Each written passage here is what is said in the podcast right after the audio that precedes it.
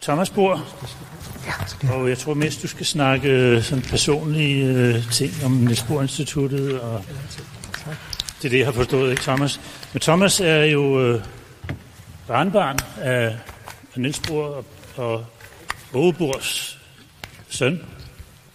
Så det er jo meget klar familiesammenhæng her med, med det, vi snakker om i dag. Og uh, han er, har fået sin uddannelse på øh, Niels Bohr Instituttet, fået sin Ph.D. fra Niels Bohr Instituttet, og øh, også sin første sin karriere øh, derinde, øh, inde hos os, øh, i, i øh, hvad vi populært kalder kaos, turbulente systemer. Nu er du professor på DTU, fysik, og øh, hvis jeg forstår, skal se, se mest lage familieting. Øhm, jeg kan sige, at faktisk er Thomas den første person, som er på Niels Bohr Instituttet, som, som jeg har kendt. Fordi Thomas gik i, i skolen med min øh, et år yngre fætter. Jeg ved ikke, om du kan huske det, Thomas, at vi spillede badminton hernede på Møllen en gang. Jo, jo, jo. Ja. Så der var, der var vi der en 10 år, 10-12 år.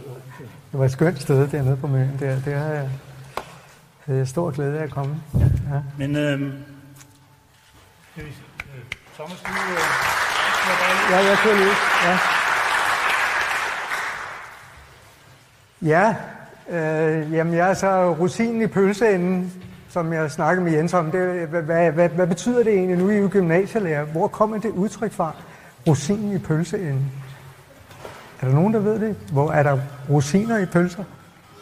Det, hvis der er nogen, der ved det, vil vi gerne høre det i hvert fald. Men det, men det er i hvert fald min... Ja? I Frederiksborg Amtsavis er der en sprogkommentar hver lørdag, hvor det vil behandle for to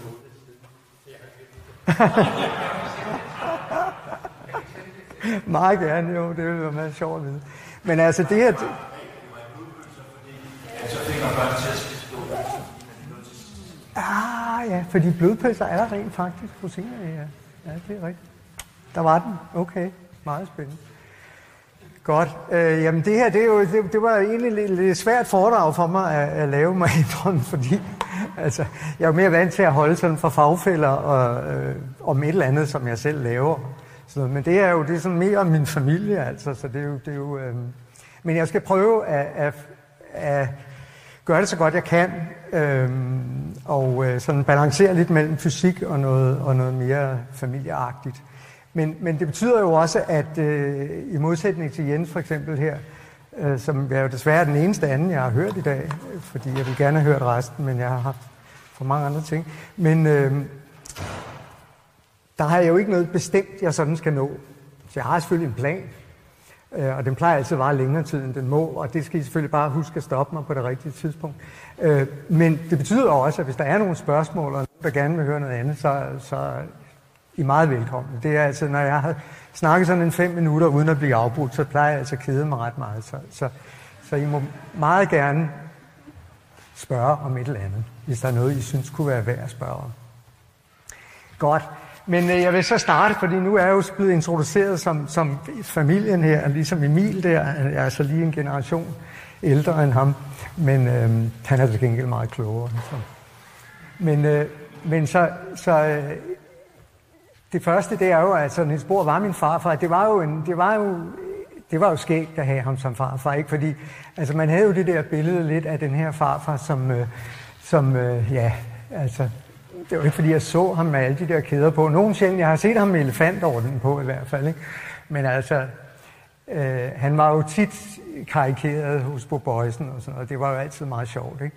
Og, og det var jo mærkeligt at have en farfar, der var så kendt på den måde. Ikke? Jeg kan huske, øh, når han for eksempel kom, kom på besøg og boede i Sovnfri, og boede på sådan en lille vej, ikke? og når han så kom kørende i sin... Øh, først var det en Buick, så fik han en Lincoln, og han kørte jo aldrig selv, det var altid en, en chauffør, der kørte, fordi det var rimelig katastrofalt, hvis han selv begyndte at køre. Øh, og, øh, der var en gang, min mor kørte sammen med ham, hvor han stadig selv kørte, og så pludselig begyndte han bare at tage sin jakke af, fordi det var for varmt, åbenbart. Så måtte hun altså gribe rettet og sådan noget, men gik så. Men, øh, men så var, det var jo sjovt, hvis han kom kørende op ad vejen, så kunne vi jo være klar nede med vennerne, og så kunne vi en helt flok børn komme op i, bio, i, uh, ja, det flotteste, det var jo Lincoln, og så køre op igennem vejen med den. Det, det, var, det var jo sjovt. Øh, så han var jo en, en, en, en hyggelig person. Af, altså han, han var en, der tog sig egentlig meget af sine børnebørn øh, og, og legede med os. Øh, øh, der havde vi stor glæde af. Vi var jo ofte samlet øh, ude på, på Carlsberg, hvor der jo var skønt at være for børn, og, og det betyder også, at vi så vores, vores fætter og kusiner rigtig meget. Øhm, og så er der så yderligere det, at min far selvfølgelig også blev fysiker og fik et meget nært forhold til sin far, også på det område, og også fordi han jo rejste med ham til USA øh, under krigen og var med der, da de pendlede frem og tilbage mellem Los Alamos og, og Washington. Og, øh, og øh, jeg synes, det er sådan et hyggeligt billede der, da min far bliver doktor. Øh, og ja, det har jeg meget glæde af. Øh, og øh, så der er sådan et billede af dagligdagen i familien her, hvor de jo øh, var ved at skrive et eller andet meget spændende på tavlen, og det var jo noget, som jeg var meget optaget af. Det kan man så se på billedet her. øh, fordi, og det var jo det var en tidlig inspiration for mig. Men ja, som sagt, han deltog meget. Her kan man se, hvordan han også prøvede at lære min lille søster at spise. øh, ja. Øhm, så vil jeg sige noget ganske kort om mig selv, øh, fordi nu, øh, bare for at sige, altså, hvad jeg er for en størrelse, fordi jeg arbejder med nogle helt andre ting. Altså i virkeligheden tror jeg, jeg er meget inspireret af, af både, hvad min far og min farfar har lavet. Øh, jeg synes, det var så fascinerende at se på, hvad de lavede, og, og, og, og begge, de arbejdede i virkeligheden lidt med væsker også, fordi at, at min farfar, han udviklede sådan en form for væskedråbemodel for, for atomkernen, og min far tænkte jo også meget på sådan atomkerner, der roterede. Og jeg kan huske, det gjorde det kæmpe indtryk på mig på et tidspunkt, da min far sagde, at hvis en atomkerne er fuldstændig kuglerund, så kan den ikke rotere. Så, Ej, det, det kan jo ikke være rigtigt tværtimod. Hvis den er kuglerund, så må den jo kunne rotere mægtig godt. Ikke? Men problemet er selvfølgelig, at sådan kvantemekanisk, så kan man ikke se rotation. Man kan ikke se, der er ikke noget, der bevæger sig. Hvis den er fuldstændig symmetrisk, så kan man ikke lave et lille kryds, og så se det kryds kører, kører rundt, fordi så er den jo ikke symmetrisk mere. Øh, så, så det var meget sjovt at lære men det betød, at jeg blev ret interesseret i sådan noget ting, der havde med strømninger at gøre. I mange år synes jeg, det var lidt for svært, men så tænkte jeg alligevel, nu vil jeg prøve at lave det. Øh, og det øh, er der sådan nogle billeder af her, sådan nogle ting, jeg har været med til at lave, som jeg har moret mig meget med. Øhm, og så er der en anden meget sjov historie. Jeg mødte en, jeg var inviteret til en sommerskole i, i Japan for et par år siden, og så mødte jeg en japansk matematiker, og han var en god ven af Dyson. Og han sagde så, at han havde mødt Dyson, og så sagde Dyson, at han havde, altså øh, Dyson, som var i USA, det er øh, udviklet kvanteelektrodynamikken, ikke? Og så havde han åbenbart mødt min far og min farfar og mig som femårig, hvis det er rigtigt. Jeg kan ikke selv huske det. Øh, I Princeton. Og så havde han spurgt mig, hvad jeg ville være. Og så sagde jeg, at jeg ville være professor. Og så havde han spurgt, hvorfor det? Jo, fordi så kan jeg sidde med benene oppe og læse bøger uden billeder. Og det var det, jeg på en eller anden måde opfattede som at lave fysik. Det var, at det var sådan nogle bøger uden billeder. Og, øh, og, og det kan jeg også huske fra, det var blandet derfor, jeg ikke selv valgte at gå ind i kernefysik, for det var en masse kurver, og jeg synes, det var dødkedeligt. Altså, og, og, så, så jeg har arbejdet meget på at få nogle billeder ind i det. Så det har været, øh, jeg har også været med til at lave udstillinger, hvor der også har været sammen med kunstnere. Sådan. Så det, så det her, jeg synes, det visuelle spiller en meget stor rolle. Men bare for at sige det ganske kort, altså jeg, jeg, som, øh, som, som Børge jo sagde, så var jeg på dels Ørsted Instituttet, men så dels en Sporinstituttet. De blev så slået sammen i mange år. Og så, øh, da jeg øh, i 93, mens jeg var på Niels Bohr Instituttet, så fik vi vi søgte faktisk Grundforskningsfonden, det fik vi så ikke. Men så fik vi nogle penge fra, fra, øh, fra øh, det naturvidenskabelige forskningsråd til at lave et center, og det blev så kaldt Center for Chaos and Turbulence Studies, som blev forkortet CATS. Og det var, det var en, virkelig en sjov periode, hvor vi lavede en masse ting med, ja, jeg begyndte at studere sådan nogle ting der, og også turbulens i forskellige væsker, og vi studerede sandriller og hvordan de dannes, og alle mulige mærkelige ting. Og det synes jeg er meget sjovt, fordi det var jo langt fra Niels Bohr Instituttets oprindelige idé. Og der var ikke så meget med atomfysik at gøre. Men det sagde noget om, hvor åben stemningen var på Niels Bohr Instituttet. Man synes, det var sjovt, at der kom nogen og, og lavede noget helt andet. Og, øh, og nogle af de sådan gavede kvante Øh, øh, kernefysikere, som for eksempel Svend Bjørnholm, de kom til hver af vores møder, bakkede det op, var meget interesseret. Clary Villegård, som også var kernefysiker, han kom simpelthen med ind i vores gruppe. Det er ham, der har lavet en flotte opstilling til det her med sådan det, man kalder hydraulisk spring. Så det var, det var et meget frugtbart, meget frugtbart sted at være. Og øh, så kom jeg så ud på DTU senere og fortsatte nogle af de ting. Og det, som jeg laver i øjeblikket mest, det er noget med, hvordan strømninger ind i planter, og specielt i, i træer, store træer, hvordan kommer vandet op i et højt træ, så det kan fordampe ud? Hvordan kommer det 100 meter op i, i træ i Kalifornien, som for eksempel der er et, der er 112 meter højt, ikke? Altså, hvordan kommer det derop? Hvordan bliver det sukker, som bliver dannet i træerne, hvordan bliver det transporteret fra bladene og hele vejen ned til rødderne, eller alle vejen. Sukker er jo det, der bygger alle træer op. Så sukker, planter, eller man kan sige, træerne, de gør alt det, vi synes, man ikke må. De elsker sukker. Det er det, de bygger alt af. Og de elsker CO2. Det må vi jo så heller ikke. Vel? Øh, men, men, så det, det er sådan mit primære øh, øh, emne i øjeblikket. Men, men som sagt, det jeg godt kunne tænke mig at, at tale om, øh, det er sådan en lille smule, øh, hvad var det, der gjorde, at Niels Bohr kunne skabe det der institut, som havde sådan et meget kreativt miljø. Og, øh, og det er klart, at der er mange, mange ting, og øh, man kan fokusere på mange forskellige ting i det. Ikke? Og jeg har prøvet ligesom at tage nogle af tingene frem, og, og, og det er der, hvor jeg har meget brug for også noget input fra andre, hvis, hvis der er, fordi det, det er jo noget, man gerne vil efterligne. Man vil gerne gøre det en gang til. Jeg synes, at Sporinstituttet gør det godt i øjeblikket. De bliver ved med at komme med nogle spændende ting. Øh, men, men det er klart, generelt så vil gerne skabe et meget stimulerende og spændende miljø.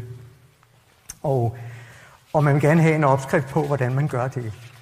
Og, øh, og det er klart, at jeg, jeg synes, at Niels Bohr øh, havde nogle ting i sin personlighed, som, som var ret unikke. Øh, det er jo sådan lidt ubeskeden at sige, når man selv er med i familien, men jeg har jo heller ikke selv de egenskaber, så, så, så på den måde kan jeg jo godt måske tillade mig at sige det. Ikke? Men, men, øh, men jeg synes, han havde nogle evner, som, som, som var ret enestående på nogle punkter, og det har jeg så prøvet ligesom at samle lidt sammen, hvad, hvad det var for nogen. Og, øh, og det ene selvfølgelig, det er, at, at man er jo altid i den tid, man lever i, at man er jo konfronteret med nogle øh, meget vigtige problemer i videnskaben. det kan jo enten være, fordi at man synes, at det er nogle samfundsmæssigt meget, meget vigtige problemer, der skal løses nu, for eksempel som med, med, med klimaet. Men det kan også være, at det simpelthen er der, hvor man synes, at videnskaben er, at, at det er allermest spændende, og det kan jo være en, begge dele. Og, øh, og Niels Bohr havde jo helt klart, altså han, han, han var meget heldig, kan man sige. Han kom til Rutherford, lige efter Rutherford havde gjort den der helt banebrydende opdagelse af atomet, havde en lille bitte kerne indeni, som var, hvor næsten al vægten af atomet var. Øh, og det var jo anderledes, end man havde forestillet sig. Pludselig havde man et konkret billede af, hvordan sådan en atom, et atom så ud. Og, og det er klart, det har han følt, det var simpelthen det vigtigste at prøve at forstå det her. Ikke? Men det skal man jo have mod til, fordi det er jo ikke sådan, at man nødvendigvis føler, at man har de nødvendige værktøjer til at gøre det.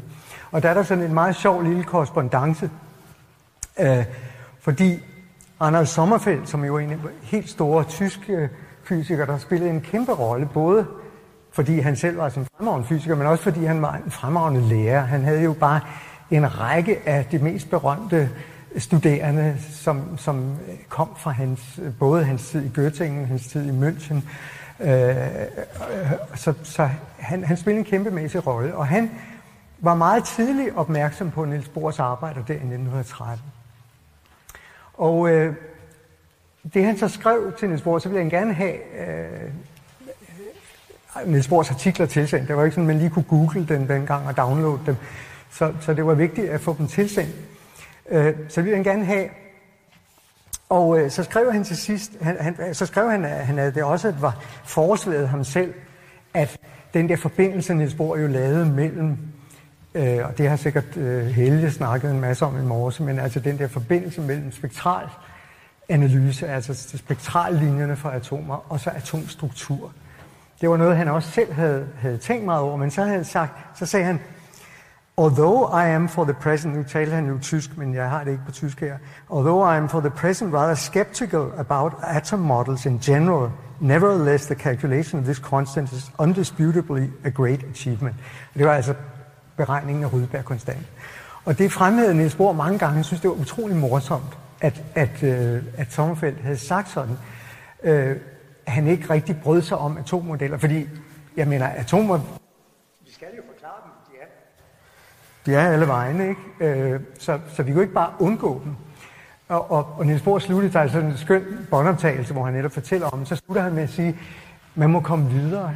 Fordi man bliver nødt til at gøre et eller andet. Altså selvom man ikke har de rigtige midler, så må man prøve et eller andet. Ikke? Og det er jo klart, at de postulater, som Niels Bohr så kom med i 1913, de var jo sådan set fuldstændig forrygte. Ikke? Altså fordi han slap enhver mekanisk forbindelse mellem atomet og den stråling, der kom ud. Ikke? For det han sagde var, at den stråling, et atom udsender, har intet at gøre med den frekvens, som elektronen løber rundt med.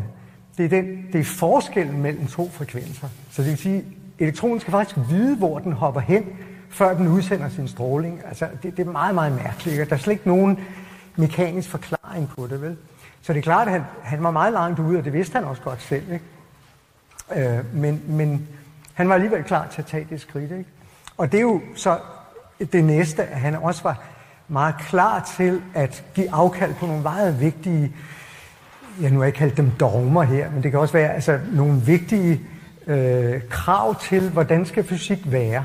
Ikke? Det var jo mange af de diskussioner, han havde med Einstein, de gik jo netop på, at Einstein havde en meget mere klar idé om, at fysik skulle være sådan og sådan. Hvis der ikke var det element med i, musik, i, i ikke musikken, i fysikken, øh, og det var specielt altså kausal beskrivelse, detaljeret kausal beskrivelse, så synes han ikke, det var rigtig fysik. Og det kan man jo så sige, det er det måske heller ikke, men, men måske det er det bedste, man kan gøre. Ikke? Og, og der var Niels Bohr jo meget øh, klar til at sige, at altså, det er det, vi kan gøre.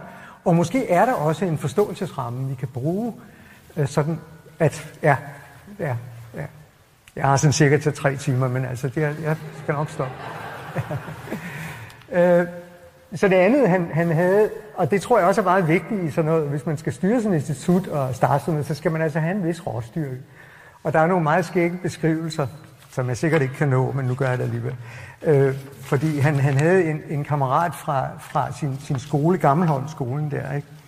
som fortæller, hvad, hvordan Niels Bohr var der. Han siger, det lyder som en paradoks, men Nils står for mig i al den tid, han var en lille dreng, som en meget stor dreng. Han var stor af vækst, temmelig grov af lemmer og var stærk som en bjørn, mens jeg var klassens yngste og en splejs. Nils var i de år bestemt ikke bange for at bruge sine kræfter, var altid med, hvor der var slagsmål. Sådan var dengang meget almindelig foretagelse i frikvarteren, og forresten fandt de også sted uden for skolen på Sankt Anne Plads. Hvad vi dengang sloges for, ved jeg ikke, men Nils erhvervede sig ry som en stærk dreng, en voldsom dreng, kan man sige. For hele sin opvækst havde han svært ved at beregne sine handlingers rækkevidde, og de blodige tude, han uddelte, var sikkert langt fra alle tilsigtede. Han har prylet mig utallige gange. Så han havde noget fysisk råstyrke, ikke?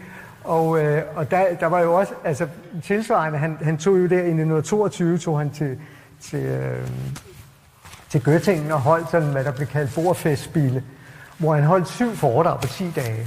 Og der, det, han fortalte simpelthen alt, hvad han overhovedet vidste om, om atomstruktur. Og, øh, og det værvede ham jo to at de væsentlige nu de der billeder, vi så før med alle de her intelligente personer, der stod der, sad i auditoriet, det var jo blandt andet de to. Og det var jo netop fordi, han præsterede den der fantastiske, det fantastiske show der, at han, han fik dem værvet. Ikke? Og øh, med hensyn til hans, øh, hans øh, ja, udholdenhed, kan man sige, der er også den der berømte historie, som jeg ved ikke, om Helge har, har fortalt det, men altså kort efter, da, da, da, da Schrödinger havde udviklet bølgemekanikken, der øh, var Niels Bohr og, og Heisenberg, de var jo på den måde meget ret uenige med ham. Niels Bohr synes generelt, at det var en flot ting med bølgeteorien, men han var bare meget utilfreds med, med, med Schrödingers fortolkning af det, om der var de her kvantetilstande eller ej. Ikke? Og øh, der fortæller Heisenberg om, hvordan de, de diskuterede og diskuterede det der. Og øh, den stakkels Schrödinger, han kom på besøg, og så blev han syg. Og så måtte han gå til seng, så det var jo på Niels Bohr Instituttet. Men det holdt ikke Niels Bohr fra at stoppe diskussionen, altså, fordi han satte sig bare på sengekanten og fortsatte. Og, og, og øh, til sidst var Schrödinger fuldstændig udkørt. Altså. Men, men han skrev dog et meget sødt brev bagefter, om at det havde været et godt besøg. Men øh, de bliver aldrig helt enige om de ting, ja. Og tilsvarende kan man sige, at han havde jo altså, et, et kæmpe output. Ikke? Jeg har de der samlede værker derhjemme, ikke? som 12 bind, øh, og det er selvfølgelig også breve og alt muligt, men de skal jo også skrives, ikke? Så, så det er artikler, breve og ansøgninger, de er jo ikke engang med i de samlede værker der. Så, så det, var, det var et enormt output, han havde. Undskyld. Ja. Øhm. Så er der en anden ting, som jeg synes er meget sjov, det er hans evne til at tænke konkret, og det er noget, som, som jeg, jeg synes er meget sjovt, ikke? fordi øh, og det er sådan noget, jeg vil bruge en lille smule tid på det her dobbeltspalteeksperiment. Det er jo nok noget, I alle sammen kender, men der er noget meget skæg, øh, skægge detaljer i det. Og øh, Einstein bragte jo det op i deres diskussioner, fordi det var jo et rigtig godt eksempel på det, der er forskellen på kvantefysik og, og, og klassisk fysik. Ikke? For det mærkelige er jo, at sådan, vi, vi kender eksperimentet fra lys. Det var det berømte eksperiment, som, som Thomas Young lavede i 1803 eller 5, eller hvornår det var og så ved sine gardiner, han så, at lyset kom ind gennem to huller, og så kunne han se, at det kunne interferere, sådan at lyset faktisk, når det faldt på væggen bagved, så lavede det ligesom sådan nogle striber. Og det tyder på, at der var interferens, ligesom bølger laver interferens. Men det mærkelige er jo, at man kan gøre det her med elektroner, eller det kunne man ikke dengang rigtigt, men, men det forestillede man sig, at man kunne gøre. Nu, nu kan man så gøre det. Ikke? Øh, man kan i hvert fald gøre det med fotoner en af gangen, øh, øh, så, så man kan gøre det med kvantepartikler. Ikke? Og det, der var jo problemet, det var, at hvis man efter Heisenbergs usikkerhedsrelationer, så var det jo sådan, at hvis man forsøger at måle, hvor, så elektronen den går ind her, og hvis man forsøger at måle, hvilket hul den går igennem, så forsvinder de her striber.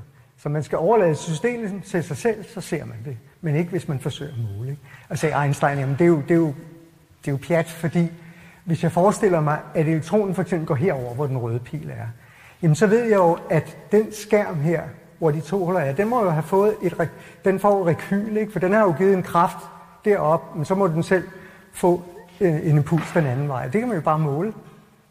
Og det er der, hvor Niels Bohrs evne til at tænke konkret kom ind, fordi det han så sagde var, ja, men så må vi tænke ordentligt om, hvordan vi laver det her eksperiment. Og der fik han jo så en anden Børge, jeg tror Børge Madsen, til at lave nogle flotte tegninger. Det er jo ikke, fordi man nødvendigvis kan lave eksperimentet sådan, men han forestillede sig, at hvis man virkelig ville måle de her, så skulle man simpelthen bolde det her fast.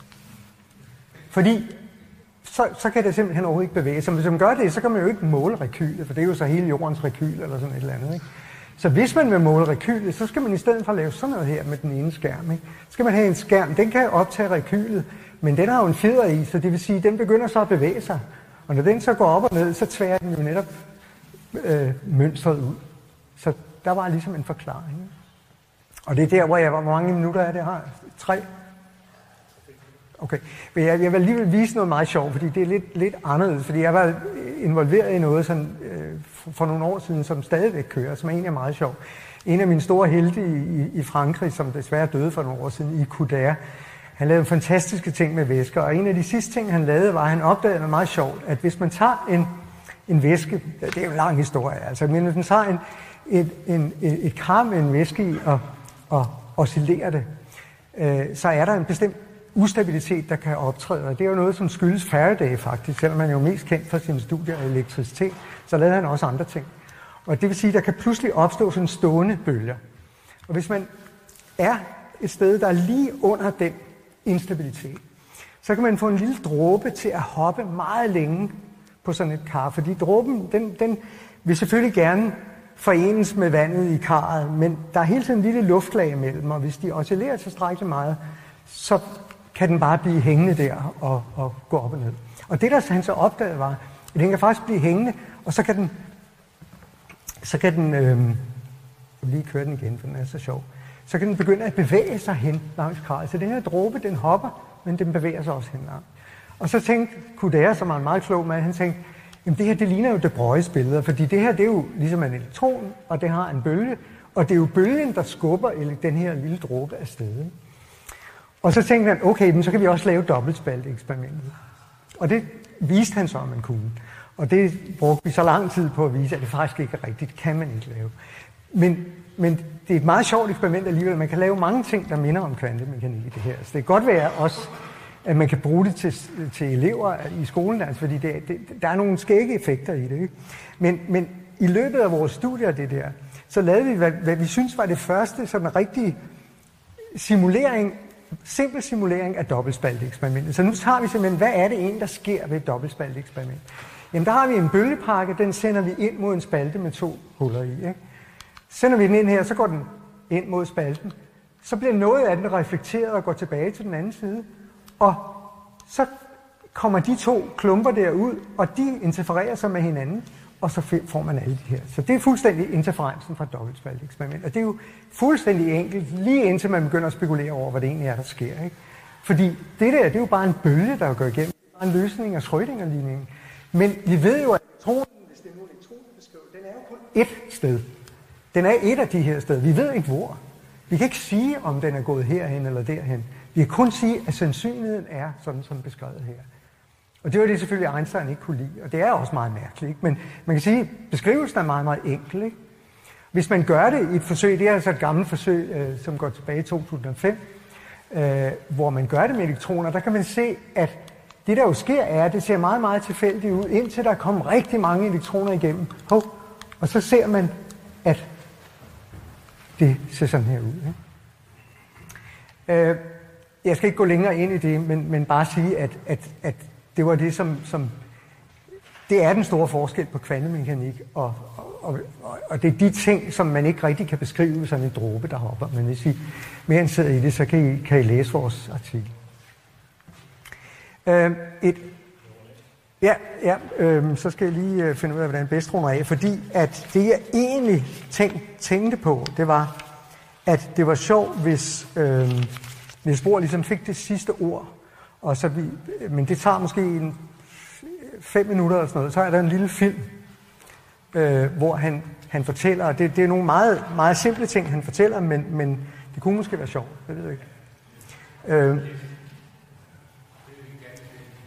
jeg vil lige øh, prøve, om jeg kan skibe frem til det. Ej, ikke mere end tre gange så meget, tror jeg.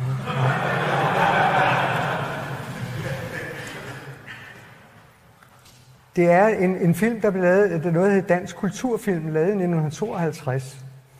Jeg synes, det er ret utroligt, at han sådan bare, det virker, altså, han sidder ikke og læser op, han, han, han, han fortæller, øh, skal se, om jeg kan finde, hvordan jeg får det startet. Hvor Åh, oh, der, ja. Så det er det, der er ikke noget lyd på nu. Er der det?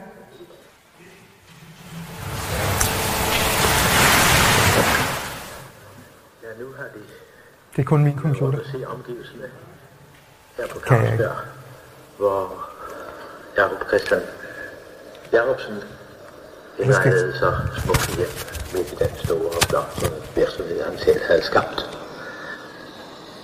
Det er nu en stue, hvor gamle brygger har arbejdet og siden af Høfting, og hvor jeg har tilbragt en betydelig del af min tid i de sidste 20 år. Mit uh, eget liv har jo formet sådan, at jeg har haft den lykke at kunne beskæftige mig med spørgsmål, som meget tidligt jeg vandt interesse for, og på områder af videnskab, hvor vi har set en stor og rig udvikling. Det bidrager det enkelte i sådan en udvikling må altid være meget beskedent. Det videnskabens er noget stort med fælles menneskeligt værk, der gror ved mange bidrag af art, kan virke, hvor fanger gradvis søges og begreberne afklares. Jeg studerer jo ved Københavns Universitet, hvor Christiansen blev min lærer. Hans egne arbejder falder på over århundrede. Siden har vi lært meget nyt, men det var en forsker med meget vidt syn og dyb forståelse af videnskabens væsen. Det kom til at betyde så meget for mig, at jeg efter afslutningen af studiet i København kom på en rejse til England. Først til det berømte Cavendish Laboratorium, Cambridge, hvor den store fysiker Sir Joseph Thomson virkede. Og derefter til Manchester, hvor Ernest Rutherford en af de største skikkelser i videnskaben, den senere Lord Rutherford netop på den tid drog til sig en stor skare af unge videnskabsmænd fra mange forskellige lande, der arbejdede under hans inspirerende ledelse. Ja, det var meget store fremskridt det var indblik i atomernes verden, som man i de år havde nået. Man havde jo for længst forstået, at alle stoffer måtte være opbygget af atomer, men man tænkte sig, at vores sanser var alt for grove til, at vi nogensinde skulle få direkte oplysning om de enkelte atomer. De er jo så små, og hvis man ville for eksempel forsøge at tale atomerne i de yderste led af ens fingre, og ville sætte hele mennesket med dens tusinder millioner til at der og nat, så ville det tage mange generationer, ja det ville tage tusinder år, før at man blev færdig med det. Men alligevel så er det gået sådan, at vi på grund af den underlige udvikling af den fysiske eksperimentalteknik, eller rettere den fysiske eksperimenterkunst, kunst, har kunnet studere virkninger af enkelte atomer, og øh, endda har fået oplysninger om de enkelte atomers byggestene. Ja, det var Thomsen, som vi skylder, at man forstod, at i alle atomer indgår de såkaldte neutroner, partikler, der hvad er meget let i forhold atomerne, og som er elektrisk ladet. Men lige før, jeg kom over til Manchester, havde Rødderford gjort den skældsættende opdagelse, at elektronerne i atomet holdes ind i dette ved tiltrækningen fra en kerne, som indeholdt næsten hele atomets masse, men alligevel var så lille i forhold til atomet, at den største samling af atomet er som denne pibe sammenlignet med hele Store København.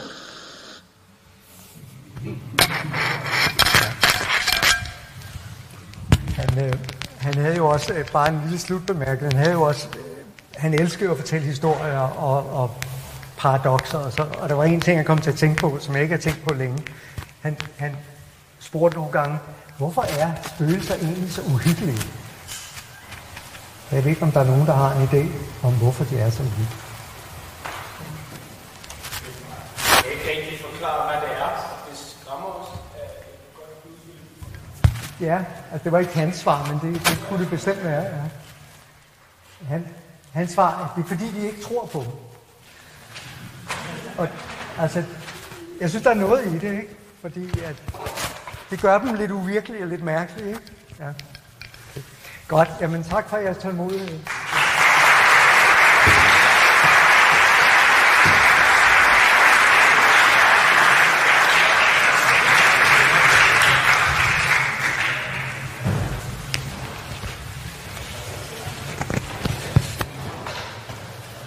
Tak Thomas. Øhm, tiden, er, tiden er fremskreden. Øh, Vi har sagt, at det skulle være færdigt kl. 4, det er vi så ikke helt. Men øh, hvis der er brændende spørgsmål, jeg er sikker på, at Thomas godt vil svare. Han har jo han har 40 slides mere, så det er... Nå,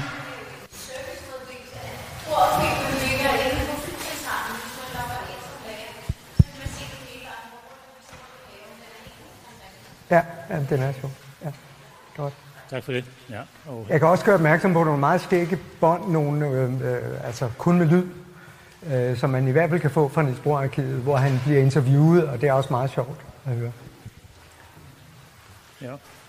Det er egentlig ikke et, et spørgsmål til dig, Thomas, men en gang så sad jeg og snakkede med Jørgen Kalker, som jo vel nok var en af hans aller sidste elever, men i en lang periode kom om morgenen og snakkede med, med Bor i, i, øh, på Carlsberg. Og han sagde, Nils Bohr han lavede en form for morgengymnastik hver morgen. Han var nødt til at tage udviklingen fra atommodellerne over hele kvantemekanikken frem til i dag. Og hver dag fandt han en ny vej. Så skulle vi over Schrödinger, så skulle vi over Heisenberg, så skulle vi over Dirac. Men det var så overraskende for ham, det han selv havde været med til, at han var nødt til at overbevise sig selv hver morgen.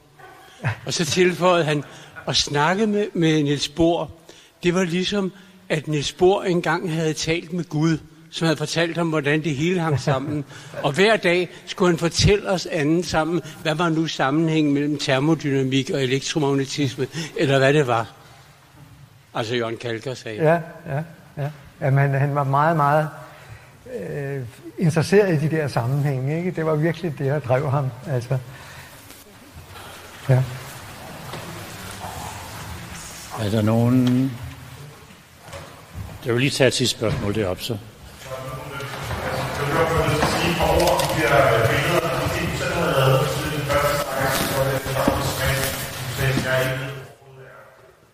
Nej, nej, okay, jamen, jeg kan godt lige... Øh... Jeg har lige, jeg har lige taget dine af. Jo, så kan den bare igen. Ja, det tager kun et par timer, så skal jeg hurtigt. Ja, nej, det, det, jeg ved ikke om jeg, nej, altså, øh, jeg kan ganske kort sige, altså, øh, det var jo noget af det, jeg synes, altså, man kan sige, for mig var fysik i begyndelsen, jeg havde måske lidt længere vej til at blive sådan en rigtig forsker end mange andre, fordi jeg måske følte, at det, jeg primært skulle, det var at forstå alt det der kloge, de andre havde lavet, fordi det, det var så mystisk og spændende. Ikke? Men på et tidspunkt, så begyndte jeg ligesom at se mig lidt om, og, og ligesom at se, der er også nogle skægge fænomener, som, som vi ser til daglig. Og for eksempel det der op til højre, som du nævnte, det hydrauliske spring. Hvis I går hjem næste gang, og når I laver opvasken, hvis I lader være med at bruge opvaskemaskinen, men simpelthen bare tænder for, for, for vandhanen, og så ser, hvordan løb, vandet løber ud i vasken, så ser I et meget sjovt fænomen. Det ser ikke helt ud som det er deroppe. Det ser fuldstændig cirkulært ud.